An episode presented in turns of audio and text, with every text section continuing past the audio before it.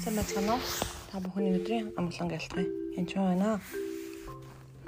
Тэгэхээр бид нэр эзний өмнө очих тухай Иесустэй ойр тутгалаар нэлээд ярилцаж явж байгаа. Тэгээд дараачийн ярилцлагад бол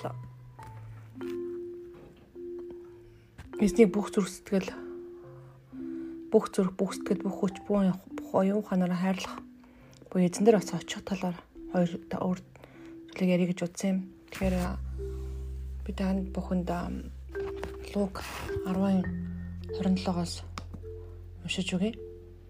Лук 10:27. Тэр өдөртөө нэгэн хуйлж босож авах 20-оос эхлэе. Түүнийг сорин багшаа мөнгө хамыг өвлөн авахын тулд би яах ёстой вэ гэж асуухад тэр түүнд хуйлд юу гэж бичигдсэн байдаг вүлээ?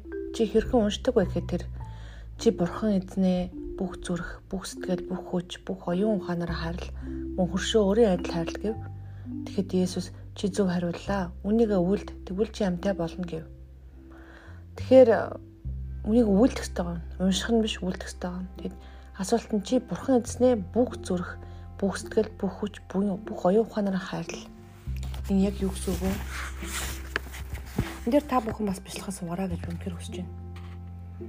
Тэгээд эзэн дээр очиход эзэн дээр очих бүх боломжуудыг хаалах олох ёстой. Тэгээд эзнээс эмийг тухай яригддаг л да. Гэтэ эзнээс айж болохгүй. Тэнийг хэлж өгье гэж бодсон юм. Нэгэн саяхан бидний библи хичээл дээр Бурхны өмнө очих тухай хэлж яригдсан. Тэгээд Бурхны өмнө яаж очих вэ гэдгсэн чинь бүгдээрээ сайн байх хэрэгтэй, даруй байх хэрэгтэй, зүв байх хэрэгтэй гэж хэлсэн л дээ. Яг үнэндээ Бурхны өмнө очиход бид нар сайн мэдээгээр очдог ба Иесус Христээр дамжуулан түүний тусаар дамжуулан эзний өмнө очих хэрэг мэдэл биднэрт үүсдэг гэсэн үг. Тэгэхээр Иесустэй хамт дахиж таны хууч хүн цавдлагдаад Иесус үхээд дахин амьлахад хамт амьлаад Иесустэй хамт өргөгдөн Бухны баруун талд очдог байгаа бид нар. Эзний өмнө очдог. Тэгэхээр эзний өмнө очиход заавал тэм супер дупер байх албатай биш л дээ. Би нэгэн жишээ хэлж өгье. Сайхан би аа нэгэн хот руу аялж явсан байгаа. Тэгээд сайн мэдээ бас ярьсан. Тэгээд тэр үед яг бүр сохтуу гараа архин гараагүй болсон хоёр хүн давуулсан л да. Тэгээд үнэхээр хайр нэгүслэр бурхан хувцсан тэр хоёр хүмүүсийг тэгээд нэг нь донгоос эдгрээд хамаагүй дээрдээд Иесус ариун сүсээр дүүрсэн байгаа. Нөгөөх нь Иесус Христийг би хүлээж аваа гэдээ Иесус Христийг хүлээж авсан баг. Үнэхээр нэгүсэл удирдах байсан. Тэгээд энэ тэр хоёр хүн эзний өмнө очсон баг. Тэгээд би архиа гарахаар очие гэж хэлээгүү. Бурхан үнэхээр нэгүүлсэд миний хоёр хүү ямар хэцүү явж байгааг харж байгаад харсан байгаа. Тэгэхээр Бурхны хайр гэдэг нэгүсэл үнэхээр агуу байгаа. Бурхны хайр нэгүсэл үнэхээр агуу шүү. Тийм болохоор бусдыг шүүхээсээ ч юм уу илүүгээр үнэхээр би одоо гимт хэрэг хийх юм уу, буруу юм хийсэн бай, архисан, цогтурсан бай, тамхи татсан бай, өрөнд орсон бай, хүмүүстэй хэрэлдсэн ч бай, эзний өмнө очих ёстой. Эзнээс эмэн гэдэг нь эзнээс холдохоос эмэх ёстой. Эзнээс холдчих гэж өвтлээ эмэх ёстой гэсэн үг. Тэгээд аавыг үнэхээр хайрыг бурхны хайрыг мэдэх юм бол та юу ч хийсэн айхгүй очих болно. Нэгдвэл аав уучлаад энэ асуудлаас цэвэрлж гаргаж тусалж чадна гэсэн үг. Тэгээд нэг нэгээр ойртоод тэр асуудлуудаа дахин дахин үлдээд байгаа нь бол тэм зөв зүйл биш боловч гсэн. Тэрнээс ирэх гэж хичээж байгаа нь эзэн рүү эргэж байгаа нь чухал зүйл гэсэн үг. Тэр эзнэр эзэн рүү нэг нэг өнцгөр ч хамаагүй эргэх явдал маш чухал.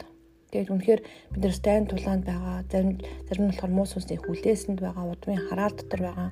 Зөндөө олон асуудал байж байгаа. Тэр чи үнэхээр үнийг мэдхэд үнэн чамаа чөлөөлдөг ба. Тэр эзэн лөө өргөх асуудал бол одоо гэмдэ эзэн бол төр журын шийдэл хийдгүү. Бухны хаанчлал бол үр тарсантай адилхан тэр үр ургахад хугацаа ордог ба. Тийм болохоор зарим хүмүүс төвчээр алддаг дунд нь алддаг байгаа. Зарим хүмүүс бус хүмүүсийг шүүдэг ба.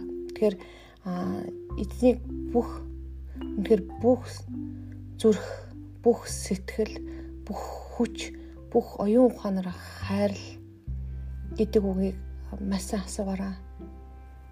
Тэгээд хүмүүс бид нар би хөршөө өөрийн адил хайрл, өөрийгөө хайрлахгүй хүн хөршөө айж хайрлах үлээ гэж хэлдэг бол чихний тушаал нь бурхан эзнээ бүх зүрх, бүх сэтгэл, бүх хүч, бүх оюун ухаанаараа хайрлах байгаа. Үүнийг үйлд гэж байгаа. Үүнийг үйлд гэж байгаа. Тэгэхээр та бүхэн яг энэ дээр сан үнэхээр асуугаараа эзнээс би яг эзнийг харилж чадж байна уу? Эзнээс бас эмэхтэй буруу мэдхэр боломж зугатаагаад байна уу?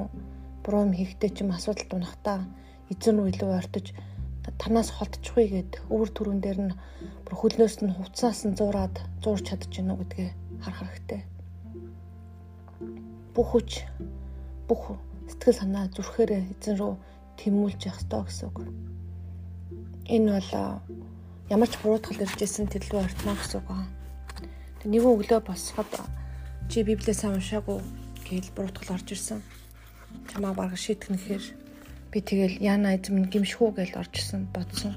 Тэгснэ гинт аваа гэд асуусан чи аав нь би чамаа буруутгах уу гэж асуусан. Чи өчтөр юу хийсэн бэ гэсэн. Би бүтэнд 7 цаг чөлөөл тэгээ дээрээс 8 цаг хичээл үзээд тэгээ дахиад зөндөө хичээлүүд үзсэн. Чиний хичээл дотор библийн үгнүүд бага байсан шүү дээ гэж гимш буруутгах гэсэн. Тэгээ заримдаа бид нэр одоо би ч гэсэн муус усны яриаг сонсдог байгаа.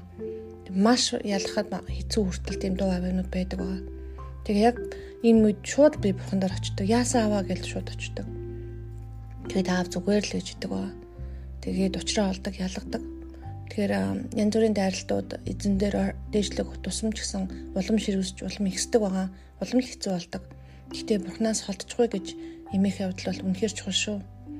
Тэгэхэд эзний эзнээс эмээх нь үнэхээр мэдлэгийнх нь тэгээд үнэхээр бүх зүрх, бүх сэтгэл, бүх хүч, бүх оюун ухаанаараа бурхан эзний хайрлаараа тэгээд энийг үйл дээрээ гэж бас та бүхэнд уриалмаар байна. Тэгээд энд мэдээж бурхны тусалцаа бас хэрэгтэй. Өөрөөснөөс тусалцаа асуугаараа. За баярлалаа.